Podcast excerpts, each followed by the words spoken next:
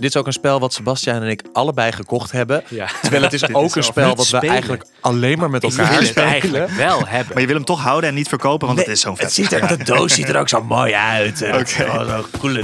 Ja, Vet. Nee, je wil het gewoon hebben. Ja. Ja.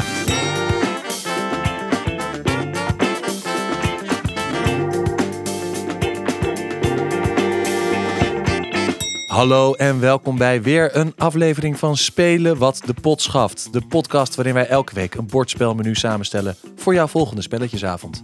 Mijn naam is Job Reumer. Ik ben hier niet alleen. Tegenover mij zit mijn vriend, mijn lotgenoot, mijn metgezel, mijn alles, Sebastiaan Vrouwijn. Ja, ik ben er. Hallo.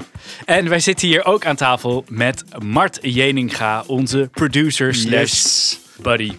Oh, thanks. Ja. cool. Ja. Ja, nee, het is Ja, leuk om er weer te zijn. Het is wel ook echt in die volgorde. Ja, precies. Begon heel erg als een producer en langzaam... Ja, maar laten we wel werk in privé gescheiden Ja, houden. Ja, ja, absoluut. Ja, leuk dat je er weer bent, eh, Vind ik ook. Mart. Vind ik ook. We hebben zoals altijd een voorgerecht, een spelletje om in te komen. Een hoofdgerecht, een spel met wat meer vlees om de botten. En een toetje, een spelletje leuk voor iedereen om lekker mee af te sluiten. En daarna komt normaal gesproken de bordspelsommelier. Die antwoord geeft op jullie vragen. Maar deze week kreeg ik antwoord op een vraag die ik aan jullie gesteld had. En eh, dat antwoord ga ik met jullie delen. Nou, Een bord vol. een bord vol. Eh, laten we gaan naar het voorgerecht. En die heb jij meegenomen, Mart. Yes, dat klopt. Ik heb Hanabi meegenomen. Tenminste, of Hanabi. En ik zal meteen even uit, eh, uitleggen en beschrijven wat ik hier voor me heb liggen. Het is een klein doosje, klein blauw doosje. En bij mij ziet dat doosje er inmiddels best wel gehavend uit. Want het is echt meegegaan op elke vakantie. En in elke backpack of rugtas heeft dit gezeten. Ja, dit doosje heeft geleefd. Ja. Dit voor, doosje voor, de, heeft voor de luisteraars, het, het valt letterlijk uit elkaar. Ja, het is een klein blauw doosje vol met kaartjes en fiches en een eh, klein boekje met wat beschrijvingen. Het is een spel voor twee tot en met vijf spelers. Ehm, ik zal even, uit, even de quote voorlezen in het boekje over wat het doel van het spel is, want ze hebben dat heel erg leuk opgeschreven. Hanabi is een coöperatief spel waarbij alle spelers als één team samenwerken om het gemeenschappelijke doel te realiseren, namelijk een prachtig vuurwerkspektakel. dat vind ik zo'n soort van typisch Japans ding. Zo, we gaan met z'n allen iets Samenwerken. heel moois maken. En dat is precies wat je gaat doen. Je gaat met z'n allen coöperatief proberen een vuurwerkshow te bouwen. En wat er in het doosje zit zijn dus een, eh, is een stapel kaarten. Eh, en het is een stapel met kaartjes ehm, van 1 tot en met 5 in vijf verschillende kleuren. De bedoeling is dat je in het midden van de tafel straks vijf stapeltjes krijgt van 1 tot en met 5 in de goede volgorde. Iedereen krijgt vijf kaarten in zijn hand. Maar in plaats van dat je je eigen kaarten ziet, zie je je eigen kaarten niet. En zien jouw medespelers jouw kaarten. Dus Dus je hebt ze omgekeerd in je hand. je hebt ze omgekeerd in je hand. Dus je Ah. hebt geen idee eigenlijk wat je in je hand hebt zitten. En de andere spelers kunnen wel zien wat je in je hand hebt zitten. Wat je dus de hele tijd moet doen, is heel goed onthouden nou ja, welke van die kaarten dan welk nummer en welke kleur heeft. En om daarachter te komen, kunnen jouw medespelers jou hints geven om dat te doen. Dus wat bijvoorbeeld kan, eh, Job of Sebas, jullie kunnen mij een hint geven, elke beurt, over welke kleur een kaart van mij is. Of welk nummer een kaart van mij heeft. En dan moet ik heel goed naar mijn kaarten blijven kijken en nadenken en onthouden van, oh ja, die kaart die ik zelf niet kan zien, die helemaal links zit, die is dus blauw. Oké, onthouden. En dan daarna geeft Job, eh, Sebas, die geeft mij een hint en die zegt, ja, die kaart er precies in het midden, dat is een 5. Want mag ik, eh, Job heeft net gezegd bijvoorbeeld, die meest linker is een 1. Ja, Mag ik dan, of eh, is eh, blauw? En nu weet Mag je dus ik- dat het een blauwe 1 Ja, is. mag ik, dan, mag ik dan in mijn volgende hint zeggen, het is een 1? Ja. Dus en je dan- mag dus zeggen, deze ene kaart is blauw. Of bijvoorbeeld de middelste en de buitenste zijn blauw. Of je hebt geen blauwe kaarten. Dat mag je zeggen. Maar je mag niet zeggen, deze is groen en die is wit en die is geel. Nee, je je, mag mag één- één kleur en dan mag je alles, alles van beschrijven. Oh, ik mag, alle, ik mag binnen. Ik mag al jouw blauwe kaarten zou ik in één beurt als Ja. hint mogen geven. Ja, precies. Dus Oh, deze drie zijn blauw. blauw. Of, ja. Of geen mag het van ook met deze nummers is- doen? Ja, Zo van dus- die, vier ka- of die twee kaarten zijn vier. ja, perfect. Ja, Ja, precies. That's it. Check. Maar je mag dus niet mixen. Je mag niet zeggen, dit is een gele drie of zo. Dat mag Oh ja. niet. Maar die hints, die kosten geld. Je kan niet forever hints blijven geven. En dat is waarom die Ah. fiches in het doosje zitten. Die hints, die kan je terugverdienen. En dat kan je doen door bijvoorbeeld een kaart af te leggen die je niet meer nodig denkt te hebben. Want je wilt dus in het midden stapels van 1 tot en met 5 bouwen met elkaar. Maar er zitten veel meer eh, dan bijvoorbeeld één rode 3 in het spel. Er zitten heel veel rode 3 in het spel. Dus ja, je hebt er maar één nodig Ja, dus die kan je opofferen. voor een hint. dus dat ga je dan met z'n allen doen. Je gaat elkaar hints geven en iedereen probeert soort van te onthouden welke kaarten hij in zijn hand heeft. En verder dan dat mag je niks zeggen tegen elkaar. Dus je Ah. mag niet zo van, als iemand een kaart wil neerleggen om zijn vuurwerkshow te bouwen, zo van nee, nee, nee, nee, nee. Je mag ze wel proberen zo'n gezicht te trekken. Dat is eigenlijk ook niet de bedoeling. Dus het enige wat je mag doen is hints geven op die specifieke manier. En dat levert altijd gewoon een hele soort van gespannen, enthousiaste, soms iets wat frustrerende, ver- verwarrende ja, speelavonden op. En dat vind ik Want als ik, leuk. als ik aan de beurt ben. Ja. In mijn, beurt, eh, in mijn beurt geef ik een hint of in mijn beurt ontvang ik een hint? Nee, in, jouw beurt geef je een hint. Ja? Of leg je een kaart af om een hint terug te verdienen. Of, Of leg je een, speel je een of kaart. speel je een kaart om een Ja, vuurwerkshow te bouwen. Oké. Dit, dit klinkt als een, een trio tussen eh The Mind, The Game en Beverbende. Die bever daartussenin. Ja, want in Beverbende zie je ook, heb je vier kaarten die, die zie je niet. En moet je, kan je af en toe, mag je dan kijken in plaats van een hint. Maar dan moet je ook blijven onthouden wat je precies voor je hebt liggen. Precies. Dit, dit is wel grappig, want dit is een spel wat ik al veel te lang niet, nooit heb gespeeld. Zo'n Mm. spel wat, waarvan iedereen die ik spreek zegt, ja, dit is superleuk. Dit, coöperatief spel, ah, Hanabi. Ik heb het dus nog nooit gespeeld, maar Nee, het klinkt echt wel heel vet. Nee, ik vind het inderdaad ook een heel leuk spel. Omdat het. Daarom is het voor mijn gevoel ook een voorgerecht. Het is even zo met elkaar soort in tune komen. Weet je, even focus, samen even zo een puzzel oplossen. Dus dat is een goede opwarmer. Om vervolgens een super competitief spel te gaan doen. En elkaar helemaal kapot te maken. Ja, maar ik heb precies hetzelfde als wat Sebas zegt. Inderdaad, het is zo'n spel wat al heel vaak voorbij is gekomen. Als in, dat je het in een winkel of zo ziet liggen. Of dat mensen het erover hebben. Dat ik denk, oh ja, dat moet ik echt eens een keer spelen. En ik heb het nog nooit gespeeld. Maar ook nu je het weer beschrijft, klinkt het dus heel erg leuk. En ik ben heel slecht in memory spellen. Dus ik denk dat ik die extra stress daarvan eh, Wel voelt. wel ga voelen. Maar, en wat kan je, kun je ook verliezen? Ja, kijk, omdat je dit dus met z'n allen doet, is er niet één verliezer. Maar op het moment dat je dus een verkeerde kaart in het midden speelt. Dus stel je bent een, een stapeltje aan het bouwen van groen. En er ligt al 1, 2 en 3. En jij legt een 5 neer, omdat je dacht dat die ene kaart in jouw hand die je niet ziet, dacht je dat het een 5 was. Dan leg je een ander fiche neer, en dat is namelijk een vuurpijl en die is rood. En daarvan heb je er maar drie. En na drie rode vuurpijlen verliest iedereen. En, en die kaart die je dus fout hebt gelegd, die gaat dan eh, uit het spel. Die gaat je- uit het spel. Ja, ja. Die gaat uit het spel. Dus je mag het nog wel verder bouwen aan die stapel waar je mee bezig was, maar je hebt dus een soort strafpunt. En omdat er dus vijf kleuren zijn, van elk 1 tot en met 5, is de maximale score die je met elkaar kan behalen is 25 punten. Ja, ja. Dus wat je probeert is met z'n allen die 25 te halen. En soms lukt dat en dat is te gek en soms lukt dat niet. En wat ik heel leuk vind in dit boekje hier, is dat ze eh, een soort scorebord hebben gemaakt en over wat het publiek er dan van Oh, vindt. ja. Dat is te gek. Dus namelijk als je 0 tot 5 punten hebt, het vuurwerkspektakel is belabberd, de toeschouwers joelen. Zo super judgy. Ehm 6 tot en met 10, zwak. Jullie team krijgt nauwelijks applaus. 11 tot en met 15, oké, maar de toeschouwers zijn beter gewend. En dan 16 tot en met 20, goed, de toeschouwers zijn tevreden. Eh, Wow, Wat toch zijn- ook nog een beetje klinkt als een soort van... Ja, oké, ah, 6,5. Vooruit dan maar. ja, 21 tot en met 24, zeer goed. De toeschouwers zijn enthousiast. En dan 25, als je ze dus echt allemaal hebt. Legendarisch. Dit vuurwerkspektakel zullen de toeschouwers nooit vergeten. En wat scoor jij gemiddeld zo'n beetje? Ik denk tussen de 20 en 25. Oké. Je komt, je komt best ja, hoog ja. als je echt een beetje soort Dus bij jou bent. heb je wel een goede vuurwerkshow. Dat hoor ik wel vaker. Ja. hey, en je zegt, eh, hij is ook veel mee op vakantie eh, gegaan. Is het ook leuk met z'n tweeën? Het is leuker met meer, vind ik. Met z'n tweeën kan. eh, maar dat hij mee op vakantie gaat is ook omdat je het best makkelijk uitlegt. En omdat het niet zo taalafhankelijk is. Iedereen kan wel zeggen blue, one, four, Ja. whatever. Weet je wel?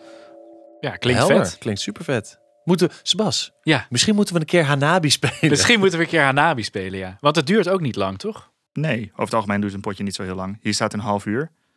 Eh, dat denk ik wel, ja, een half uurtje. Oh, ja. ja, leuk. Vind ik wel. Wat ook leuk is, is eh, het hoofdgerecht. En Job, die heb jij eh, meegenomen. Zeker, ik heb een hoofdgerecht meegenomen. Het heet A War of Whispers. En het is een, eh, een oorlogsspel. Beetje vergelijkbaar met eh, Risk.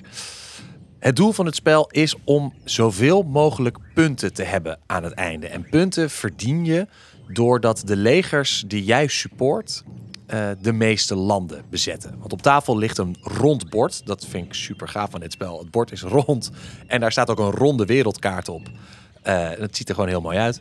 En de, die wereldkaart is verdeeld in allemaal landjes. En die landjes zijn dan weer verdeeld in vijf regio's. Alle vijf van een eigen kleur. En alle vijf met hun eigen uh, land daarin, hun eigen leger.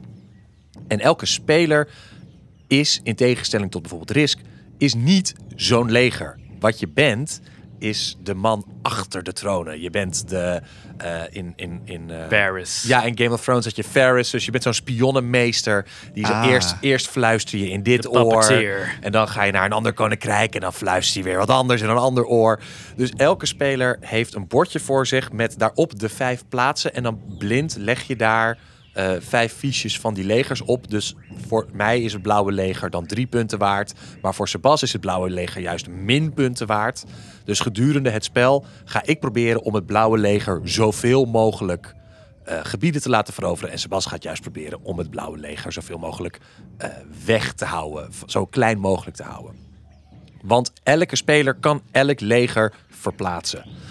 Aan de rand van het speelbord is, een, is een, een rij per leger, een rij met acties die ze kunnen doen. En wat vooral belangrijk is in dit spel, is dat je de hele tijd bezig bent om te achterhalen: oké, wie hier aan tafel probeert hetzelfde te bereiken als ik? En wie probeert iets anders te bereiken. Ja, en je weet ook niet wie er heel goed voor staat. Nee. Dus het kan ook best wel zijn dat ik... Uh, bijvoorbeeld het gele leger is bij mij de hoogste punten waard. Dus ik wil dat die zoveel mogelijk overneemt. Maar ik kan er ook voor zorgen dat ik jullie op een verkeerde been breng... door met het rode leger alle omringende landen van geel aan te vallen... zodat die heel zwak komen te staan... En dan ergens in de laatste ronde te proberen om met het gele leger zoveel mogelijk land te veroveren. Want die acties die je kunt doen uh, aan de rand van het bord, dat zijn dingen als zet meer legers op het bord of verplaats legers naar andere landen. Maar hoeveel legers je op het bord mag zetten is ook weer afhankelijk van bepaalde. Je hebt op het bord uh, sommige landjes hebben een toren of juist een hooibaal, geloof ik. En voor elke hooibaal of elke hut die je hebt, mag je weer meer legers neerzetten. Ja, dus, dus je wil tactisch ook voor bepaalde landjes wil je juist wel claimen en andere landjes boeien niet zo heel veel. Hmm. Ja, ja, het, is, het, is, het is echt een. Wat zo leuk is hieraan, is je hebt echt dat riskgevoel van uh, werelddominatie. Ja. Um, zonder dat je dus zelf legers hebt. En iedereen werkt dus ook mee. Dus af en toe, af en toe voelt het echt alsof je samen, samen oorlog aan het voeren bent. Wow, we zijn allebei voor geel. En nog een heel erg goed element in het spel is dat je op bepaalde momenten in het spel um, je fiches, die dus aangeven hoeveel punten elke kleur leger scoort, die mag je op bepaalde momenten in het spel mag je ze wisselen. Mm. Dus als je heel veel punten zou krijgen voor het gele leger, maar die wordt totaal afgeslacht, dan kan je denken, weet je, ik verwissel het. Ik krijg min 1 voor blauw, ik krijg 4 punten voor geel, ik verwissel die twee. Ja. Alleen de consequentie is dat je ze moet openleggen. Ah, dan weet men het. Dan, ja, weet dus dan weten wij allemaal, oké, dus, we, dus Sebas gaat heel slecht op blauw nu ja, als je dan denkt, ja, geel staat er heel goed voor, dan kun je dus gaan denken, oké, nou dan gaan we of geel een beetje kleiner maken. Maar ja, misschien wil ik ook wel dat geel heel hoog staat. Dus ik kan ook denken, ah, of ik ga zorgen dat blauw gewoon een beetje groeit. Want je wil, informatie is eigenlijk het belangrijkste onderdeel. Je wil proberen te lezen wie hier aan tafel wil ongeveer hetzelfde als ik. Maar je wil ook niet te veel in je eigen kaarten laten kijken. Precies. Want het kan ook heel makkelijk zijn dat je andere mensen voor jouw karretje spant. Als ik door, stel je voor, jij hebt door, oké, Job wil heel graag dat blauw heel groot wordt. En ik vind dat op zich wel chill. Laat Job lekker zijn gang gaan. Ga jij lekker ja, op ja, blauw. Dan ben jij gewoon lekker soort van Ja. mijn missie aan het oplossen. Ja. Helemaal goed, Pik. Voor elk landje wat jij met blauw inpikt, krijg jij misschien drie punten, maar ik twee punten. En dan kan ik me focussen op rood. En, ik wil, en voor rood krijg ik weer drie punten. Dus Precies, maar, het- maar je doet dus eerst een soort van stemronde met elkaar. Een soort, al- een soort politiek ding van, oké, wat gaan we deze ronde doen? Ja, dat is het moeilijkste uit te leggen eh, zonder dat je het kan zien. Het is, elk leger heeft eh, vier ja, Actievakjes. actievakjes. En per actievakje staan er andere, zijn andere acties aan verbonden. Dus Mhm. e- één vakje is bijvoorbeeld alleen maar eh, verplaats legers. Terwijl een ander vakje is misschien wel zet zoveel legers bij en verplaats legers. Of zet zoveel legers bij en pak een kaart. Want er zitten ook nog kaarten in het spel. Die doen ook weer dingen. Daar hoeven we het nu niet over te hebben. Maar er zitten nog zo Aha. van... Net zoals bij Risk ook. Er is zo'n moment dat je kaarten kunt spelen. En dan kun je opeens iets, Ja. iets verrassends doen. Dat is wel een heel leuk element zonder er heel diep op in te gaan. Maar je, je ziet dus mensen kaarten sparen. Die hebben op een gegeven moment zo'n handje met kaarten. Oh, dan denk je, oh ja, nee. hier gaat iets gebeuren. Hier Jij bent echt iets van plan. En dan is het zo, oké, ik doe deze actie. Ik zet hier legers bij. Ik verplaats ze nu hier. Dan speel ik deze set kaarten. Ja. Dan mag ik weer tien legers plaatsen. En dan ben je zo, nee, nee. Nee, nee, ja, precies. En dan jullie dachten dat ik eigenlijk met geel bezig was, Ja. maar ik verwissel nu deze twee. Ja. En nu heb Ja. ik Ja. alles blauw. En Ja, dat mag Ja. ook echt. Ja. was inderdaad ook zo'n leger van, of zo'n kaart volgens mij van je mag nu gewoon alsof je een vliegtuig hebt, al je legers van één ding naar een ander land verplaatsen, ergens anders op de kaart. En dan denk je opeens, nee! Maar het is ook omdat het zeg maar de legers zijn van iedereen. Dus het is ook zo dat, dat jij bent zo lekker met het leger, dat rode leger bezig. En op een gegeven moment heeft iemand anders een move en die zegt dan dat leger van jou, waar jij zo lekker mee bezig was, dat is nu aan de andere kant van de aarde en veel kleiner. Dat je niet Ja. zegt van wat? Nou, het, is, het is heel frustrerend wanneer jij met je, met je rode leger zo al je grenzen goed verdedigd hebt, weet je wel. En dan komt Sebastiaan en die zegt, oké, is goed. En dan gaat rood nu gewoon heel ver. Ze gaat zichzelf heel dun uitsmeren. Dus dat hebben ze wel heel veel landjes, maar ze kunnen niks verdedigen. Want zometeen komt het gele leger en die Vals maait ze gewoon allemaal van het bord af. En je doet dus maar vier, je Ja. hebt vier beurten. Ja, het duurt ook maar een uurtje of zo. Je bent er best wel snel doorheen. Ja, maar je gaat dus eh, alle acties die om het bord heen staan. En dat wordt opgedeeld in alle kleuren. Dus eerst alle acties voor blauw. Dan alle acties voor geel. Die ga je Ah. dus af. En dat is één hele ronde. Right. Ja. Ja. Dus Ja. het is echt voor mensen die houden van risk of riskachtige spellen, maar die, het- die wel zin hebben in iets anders. Want het is echt een andere belevenis. Het is veel meer. Het is een ander soort puzzel om Ja. te leggen. Ja, het is, het, is ook, eh, het, het is ook veel minder inderdaad eh, één op één competitief. Hmm. Het is zeer competitief, maar op een hele andere manier dan, dan Risk is.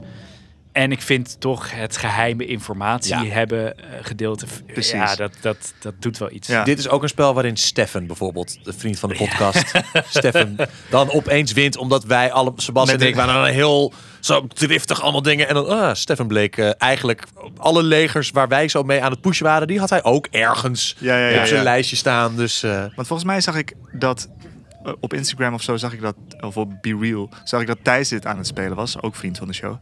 En dus dacht ik dan van, wauw, dit ziet er wel heel vet uit. Want het is echt een vet bord. Ja, En je hebt ook dus allemaal die kleine bordjes omheen. En Este- esthetisch is dit Ja. echt, echt ook Heel een vet. topspel. Het ziet er ja. echt heel vet dit, is ronde ook een, bord. dit is ook een spel wat Sebastian en ik allebei gekocht hebben. Ja. Terwijl het is ook een spel wat we eigenlijk alleen maar met elkaar Ja. spelen. maar je wil hem toch houden en niet verkopen, want Nee, het is zo'n vet. Het ziet er, de doos ziet er ook zo mooi uit. Oké. zo coole. Ja, Vet. nee, je wil het gewoon Top. hebben. Ja. Toetje. Ja. Toetje. Ja, en die heb ik meegenomen. En dat is echt een, echt een lekker toetje. Het is namelijk For Sale. En For Sale is een beatspel van eh, drie tot zes spelers... waarin je huis gaat kopen en verkopen... en de allerrijkste persoon aan de tafel wil worden. Klinkt als eh, de, gewoon de woningmarkt. Het is, het is echt een, een kleine vergelijking met de woningmarkt. Sebas, Het ik heb een vraag. Ja. Hoe doe je dat? Hoe doe je dat? Nou, ga ik het je vertellen. het is een super simpel kaartspel eh, wat alleen bestaat uit kaarten met huizen en kaarten met checks, eh, waar dus geldbedragen op staan en muntjes. Dat is het enige wat je hebt. En het doel van het spel is om zoveel mogelijk goede huizen te kopen voor zo min mogelijk geld. En die dan weer te verkopen voor een zo hoog mogelijke waarde. En degene die eindigt met het meeste geld, die wint. En voor sale bestaat Prins Berner. Prins Bernhard. Die is game. de Prins Bernhard. Zo Ja. heet dat ook. Die krijgt een kroontje op. Ja. En, eh, En een brilletje. For Sale bestaat uit twee fases. In de eerste fase komen er elke ronde huizen op tafel te liggen. En wat je elke ronde gaat doen is bieden. Je gaat bieden op het hoogste huis wat op tafel ligt, want die wil je hebben. Eh, en iedereen biedt met de klok mee. En als je weer aan de beurt bent, mag je overbieden, zolang je het kan betalen, of je mag passen. En dan mag je eh, het huis met de laagste waarde dat op tafel ligt, mag jij claimen. En dan krijg je de helft van de muntjes die je hebt ingezet, krijg je terug. Oké, dus als het je niet lukt om te bieden op het allerduurste huis, dan je, krijg je biedt, een soort... je biedt altijd op het allerduurste huis, Ja. maar als je je terugtrekt, dan krijg je het laagste huis wat nog op tafel ligt. Het is eigenlijk, Precies. het is gestileerd. Het, je bent niet echt aan het bieden. Je bent Mm. meer aan het racen. Je bent aan het kijken hoe lang hou, hou je het vol eh, in het, je bent gewoon geld aan het betalen om niet af te vallen eigenlijk. Want- ja, en hoeveel je- geld heb je over? Want dat is wel een, een interessant ding. Er zijn dus huizen van 1 tot en met 30. En, Miljoen. eh, Nou ja, je mag het invullen Ja. zoals je wil. Want eigenlijk, dat hebben ze wel leuk gedaan. Het is sowieso leuk geïllustreerd. Eh 1 is een kartonnen doos. 30 is een ruimteschip. Oh, Ja, zegt- dus en eh, die, die waardes van die huizen die zijn belangrijk voor de tweede fase. Dat zal ik zo even vertellen. Maar als er dus iets op tafel ligt, bijvoorbeeld het hoogste huis is 28 en het huis daarna is 27 en daarna is het eh 2 en eh, 1. Ehm, dat betekent dus dat als jij je terugtrekt, dus als je zegt, nou ik pas, dan moet je die 1 nemen. Mhm. Dat is niet wat je wil. Dus je gaat gewoon kijken, ja, hoe, hoeveel geld ga ik willen inzetten voor dit huis van 28? En als je dan nog maar met twee mensen over bent, dan is de tactiek, Alles. als je het kan, ik trek me terug. Nee, ik trek Ja, me terug. Juist want op dan krijg tijd ik, terugtrekken, want dan krijg jij het huis van 27 en dan betaal je maar de helft van wat iemand anders heeft betaald voor een huis van 28. Ah, natuurlijk, want die 1 en 2 die zijn dan al door Ja. de, de andere spelers Precies, eh, precies. Ah, check. Oké. Er liggen zoveel huizen op tafel als er spelers zijn. Ah, oké. Dus Ja, alle- ja, ja. En, en het hele eh, stapeltje met huizenkaarten wordt helemaal opgedeeld. Dus iedereen heeft aan het eind van de eerste eh, fase evenveel huizen in zijn hand. Alleen bij de ene is het een kartonnen doos en bij de andere is het een Precies. Nou, en het goede is ook, je, het mag, je wil een divers portfolio hebben. Dus het is helemaal niet erg om een paar lage huizen te hebben. Want vervolgens komen die checks op tafel. En dat gaat eigenlijk hetzelfde als die huizen. Die worden gewoon zo neergelegd van hoogste bedrag naar laagste bedrag. Zoveel dan- spelers als, als Ja, er spelers Precies, En en dan dan leg bied je jij af- je huis voor dit check die Iedereen legt ligt. gedekt een huis neer. En die draai je dan tegelijk om. En de hoogste waarde, huis met de hoogste waarde, krijgt de hoogste check.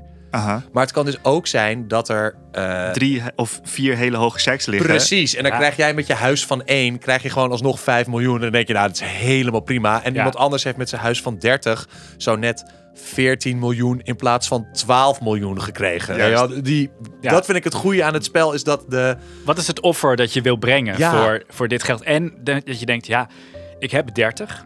Dus ik heb het huis van 30. Ik heb het ruimteschip. Dus Hmm. ik weet, ik ga sowieso iets kunnen, altijd kunnen winnen. Ja. Dus ik, bij een checkverdeling weet ik zeker, als ik dit speel, pak ik de allerhoogste check die er Die, op tafel die ligt. bewaar je voor wanneer er bijvoorbeeld 15 miljoen en dat dan, dan 15, 14 en dan 2, 1, 1. Dat je denkt, ja oké, ik wil bovenaan zitten, ik wil niet net. Ja. En een ander leuk eh, ding aan het spel is, dus je krijgt aan het begin van het spel krijg je een aantal muntjes. En dat is eindig. Dus die Hmm. muntjes is het enige wat jij kan gebruiken in de eerste fase. Als die op zijn, ben je, al- moet je altijd passen. Dan Ja. krijg je dus altijd het snerthuis. Ja, het snerthuis. Eh, en wat, is ook de naam van mijn eh, restaurant trouwens. het snerthuis. Het snerthuis. Eh, wat dus ook kan, is dat je denkt, ik heb het heel goed gespeeld en ik heb nog munten over. En die tellen ook mee voor de eindtelling. Zijn dat dan minpunten? Nee, Nee, pluspunten. Oh, Dus je kunt Oh, ook ja, want denken, je ja, hebt nog geld. ja, je Ja. hebt nog geld. Precies. Ehm, ja, dus het, het zit heel leuk en slim in elkaar. Dus het is zo dat je eerst, je hebt geld. Daarmee ga je huizen kopen. Een soort van heel veel real estate verzamelen. Dat ga je dan allemaal inwisselen weer voor checks. En aan het eind van dat Ja. proces wordt er gekeken wie Ja, daar die heeft uiteindelijk het dus... meeste geld. Ja, juist. Oké. Ja, Dit is echt zo'n spel wat je eh, met iedereen kunt spelen. Ik heb dit inderdaad op avondjes met vrienden is dit gespeeld. Ik heb dit ook met mijn familie gespeeld op vakantie. ja. Je, ja, ik zou nooit nee zeggen tegen een potje voor sale. Het is Nee. echt een superleuk spel. Ja. Hoe, hoe meer spelers, hoe beter, denk ik. Ja. Want dan is het gewoon extra spannend wie, wie gaat tot het laatste inderdaad in de race blijven om, om dat hoge huis. Nou, de bedragen lopen ook sneller op. Oh, dat gaat. En je, kan, je hoeft ook niet eh, maar één muntje extra in te leggen. Je mag ook gewoon zeggen: jij biedt twee muntjes, ik bied er zes. Juist. En dan is Mart, jij bent na mij aan de beurt. Jij denkt, ja, sorry, maar ik ga geen zeven munten of meer inleggen voor, voor dit huis. Ik pas. Zo kun je ook mensen uitspelen. Ja, Ja, want je kunt ook juist denken, en nu ga ik mijn tactiek weggeven. Maar ik ga zes, want Sebas gaat nog wel op zeven, maar Mart gaat niet naar acht. Dus dan pas jij en dan pak jij net die ene kaart weg die weinig waard was. En dan zijn er nog twee kaarten over die ongeveer evenveel waard zijn. En dan pas en ik daarna pas ook. daarna en dan ga ik heel voor goedkoop drie, die andere pak ik, die, pak ik de hoofdprijs. Ja, Precies. Het verbaast me dat ze nog niet een versie hebben met, met gewoon Amsterdamse huizen. Gewoon het thema Amsterdam. Dat lijkt me dus heel vet. Er is volgens mij net een nieuwe versie van dit spel uitgekomen. Of een, gewoon in een nieuwe doos. En ik vind inderdaad dit... Nou ja, we gaan het er zo over hebben. Over een ander spel wat wel heel veel verschillende versies uitbracht. Maar inderdaad, For Sale New York. Ja. For Sale Amsterdam. Ja, For Sale ze, Londen. ze hebben volgens mij want ik weet niet of je dat bedoelt. Ze hebben een kleiner doosje dan ik hier heb liggen. Maar ze hebben ook een versie met auto's. Ja, die wil ik. Dan, dan ben je dus auto's aan het kopen en Maar daar zit nog een extra, Ah, ja. een extra stap zit daarin. Ik weet niet Oh. meer wat, maar daar zijn, dan is het in drie fases. Oké, deze ga ik opzoeken. Ja, en ik kijken ook. of ik Die gaan ergens we allebei kopen. kan- Maar ik zou, ik zou de Amsterdamse versie sowieso kopen. Dus je bent Ja. aan het bieden voor of de Brouwersgracht, maar je krijgt opeens een huis in Geuzenveld. En het is zo, Ja, ik moet wel zeggen, ik zei het, vet. maar ik ben het wel met Sebas eens. Deel van de charme is ook wel echt dat die afbeeldingen zijn van... Oké, dus of ik heb zo'n houten wc, zo'n buiten wc met zo'n half maandje in de deur. ja, ja, ja. Of ik heb een villa op de klippen ergens. De afbeeldingen zijn vrij. Het zijn kastelen komen hier voorbij. Wat, wat ik ook altijd... Ik vind het ook altijd troostend, die illustraties. Want dan, soms denk je bij een huis van 12. Nou, dat is niet heel... Of hier, huis van 13. Een luchtballon. Maar het is een luchtballon. Dus Oh, dan ja. denk je, ja, ik heb niet hoge punten. Maar ik heb wel een luchtballon. luchtballon. En zo is het ook. en dat wil ik graag zeggen tegen iedereen die op deze woningmarkt moeite heeft. Koop een vinden. luchtballon en vertrek. Ja, Ah, het is grappig omdat we nergens kunnen wonen. Zullen wij eh, door? ja. Zeker. Want eh, normaal gesproken is dit het punt van de podcast waar de bordspel sommelier eh, jullie vragen beantwoordt. En zit je nou met een vraag, dan kun je die stellen aan ons. Eh, ons e-mailadres is spelenwatdepot.gmail.com. Je kunt ons ook benaderen op Instagram, spelenwatdepot.schaft. En we zijn op Facebook, Spelen wat de. Dus dat, kan, dat is wat je kunt doen als jij een vraag hebt. Dan kun je aan stellen en die beantwoorden we dan. Maar laatst, een paar afleveringen geleden, had ik een vraag. Want toen was Sabine hier te gast en die had Hotel meegenomen. En toen hadden we het erover dat Hotel zoveel vetter spel is dan Monopoly. En vroeg ik me af, waarom is Monopoly eigenlijk zo populair? Vroeg ik aan de luisteraars, als je dat nou weet, laat het me weten. En dat is gebeurd. Onze luisteraar Danny de Vouw antwoordde eh, heel uitgebreid op mijn vraag. Dus ik ga, ik ga Danny, ik ga een klein beetje eh, door je mail heen eh, skimmen. Maar ik wil wel heel even erbij zeggen. eer, hij, Danny zegt, hallo Job en Sebastian en Mart, hallo. Ehm, eerst even wat cijfers. Dat maakt het allemaal nog wat bizarder namelijk. Hij geeft wel toe dat hij dit ook zelf even moest opzoeken. Wingspan heeft een record van meer dan een miljoen exemplaren in drie jaar tijd weten te verkopen. Dus laten we zeggen 400.000 exemplaren per jaar. Catan staat op 18 miljoen, dus 650.000 per jaar. Monopoly staat inmiddels dik boven de 200 miljoen. Wat? Ja, nou bestaat het al sinds 1935. Dus even snelle rekensom heeft Danny gedaan. Eh 200 miljoen gedeeld door 88 jaar is een dikke 2,2 miljoen exemplaren per jaar. Wauw. Sinds het spel is uitgegeven. En ook heel steady waarschijnlijk. Ja, ja. Ja, maar dit is een spel wat ook volgens mij heeft iedereen wel een. mo- Ik zeg maar ik. Het is mijn vriendin heeft die. eh, die is van mijn vriendin, dus eh, ik heb het zelf niet gekocht. Maar, maar we hebben wel een. Je bent wel sigaretten. mede- je Ik bent moest- wel medeplichtig. Ik moest het vasthouden voor een vriend. Ja, ik ben een enabler. Ehm, maar we hebben er wel een. En ik, ik heb het ook gespeeld. Ik, vind het, ik heb het ook gespeeld met plezier. Het is belangrijk om te weten dat het in Amerika uitkwam tijdens de Grote Depressie. En tijdens die deprimerende tijd hadden mensen blijkbaar behoefte aan een nog deprimerender spel. Dit zijn Danny's woorden, maar ik ben het er wel mee eens. Maar wat vooral belangrijk is toen, het was heel erg betaalbaar. Super easy om te leren, gaf toch wel een soort van uitdaging of strategische opties. Meer dan een ganzenbord, maar minder dan schaken. En wie weet sprak het thema kapitalisme in die tijd toch aan.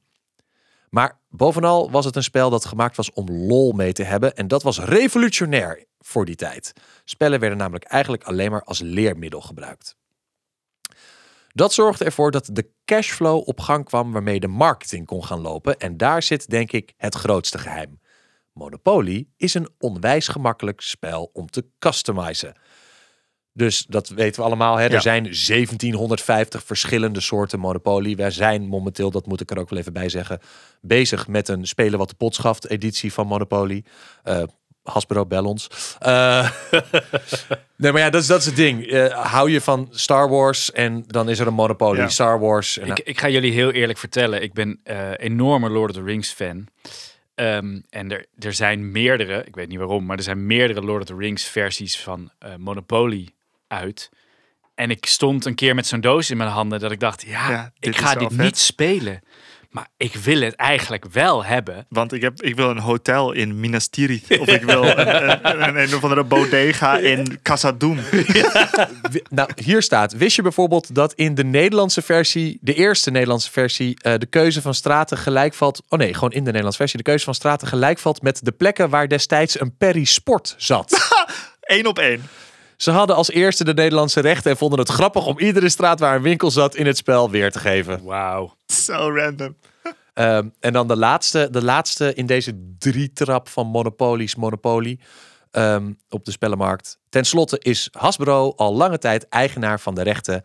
En Hasbro, en dit zijn niet onze woorden, maar die van Danny, is geen vriendelijk bedrijf. Wat? Ze hadden lang een behoorlijke monopolie, al dus Danny, op speelgoed en konden daarmee forceren dat er geen andere titels dan Hasbro-titels in de Bart Smits van deze wereld mochten worden verkocht. Door deze drie factoren is Monopoly een deel van onze cultuur geworden. Iedereen heeft het wel een keer gespeeld of weet op zijn minst hoe het eruit ziet. En hoe vaak zegt een niet-bordspelliefhebber niet: Oh, een beetje zoals Monopoly. Gecombineerd met een slimme marketing is het bijna een perpetuum mobile geworden in spellenland. Ja, En zo is het. Eh dankjewel Danny voor deze... Zo. Eh, ja, ik wil, ik wil daar nog Deze iets... TED-talk over Monopoly. Ik vind het wel vet. Ja, Ja, Ik vind het heel vet. het was een beter antwoord had ik niet kunnen vragen. Nee, ik heb, ik heb nog een weetje waarvan ik dus niet weet of het een, een mythe is of dat het echt waar is. Maar wat ik heb gelezen op, op meerdere plekken is dat het is gemaakt door een vrouw. eh, die het heeft gemaakt ehm, in twee versies. Twee variaties waarop je het kon spelen. De eerste was een soort communistische versie. Dus dan moest je samenwerken eh, en het spel winnen. En de tweede was een kapitalistische versie. En dat is het spel wat we nu als Monopoly kennen. En zij heeft het gemaakt als commentaar op het kapitalisme. Ehm, ik weet niet of dat echt waar is, maar ik vond dat zo Ik heb dit verhaal- pijnlijk. eh, Ik heb dit eh, verhaal ook gehoord. Ja. Ja, Het is allemaal zo super ironisch dat je dan dus een spel uitbrengt als, kap- als, als commentaar op het kapitalisme. En je noemt het Monopoly, wat vervolgens een soort bijna monopolie wordt op spellen. Het is echt ja het heeft een hele wrong is, turn eh, genomen. ja. Ja. heel vet. Danny, dankjewel eh voor dit super informatieve antwoord. Ja, Heel man. vet. Ja. Heel vet. Ja. En wie ik ook zou willen bedanken is eh, Elisa. Want Elisa heeft een eh, recensie achtergelaten. En die wil ik even voorlezen. Eh, grappig, informatief en erg fijn om naar te luisteren. Job en Sebastiaan weten van een paddenstoelen verzamelspel nog een spannend verhaal te maken. Eh, Dat zeggen we niet alleen om onszelf op de schouders te kloppen. Dankjewel, Elisa. Eh, we zeggen het omdat we het heel erg fijn zouden vinden als jullie een recensie voor ons zouden schrijven. Heel veel van jullie hebben dat volgens mij ook al gedaan. We krijgen heel veel leuke recensies en lieve berichten. Dank je wel daarvoor. Maar het helpt ons ook daadwerkelijk om, ja, vooral bij, bij Apple Podcasts, om wat meer eruit te springen. Eh, Ja. En dat vinden we alleen maar heel erg leuk. Slaat een recensie achter of eh, stuur ons een berichtje. Dat vinden we heel leuk. Dan zijn we alweer aan het einde gekomen van deze Spelen wat de pot schaft. Eh, Mart, ik wil jou bedanken dat jij hier eh, weer aan tafel zat. Ja, ik vond het hartstikke leuk om weer aan de andere kant van, eh, van het raam te zitten. Ik vind het ook wel eens rustig dat we gewoon een podcast aan het opnemen zijn zonder dat jij door dat raam heen naar mij aan het gebaren bent van we moeten een beetje Ja, voortmaken. er loopt, er wel- loopt wel een stopwatch nu inmiddels op tafel. Ik weet niet of je daar veel rustiger van wordt, maar sure. Ja, Job, bedankt dat jij er was. Ik heb het heel erg graag gedaan. Nou. Sebastiaan, dankjewel dat jij er was. Ah, ik heb het en ontzettend luisteraars, graag gedaan. dank jullie wel dat Oké, jullie er ook weer waren. Tot volgende week. Bon appétit.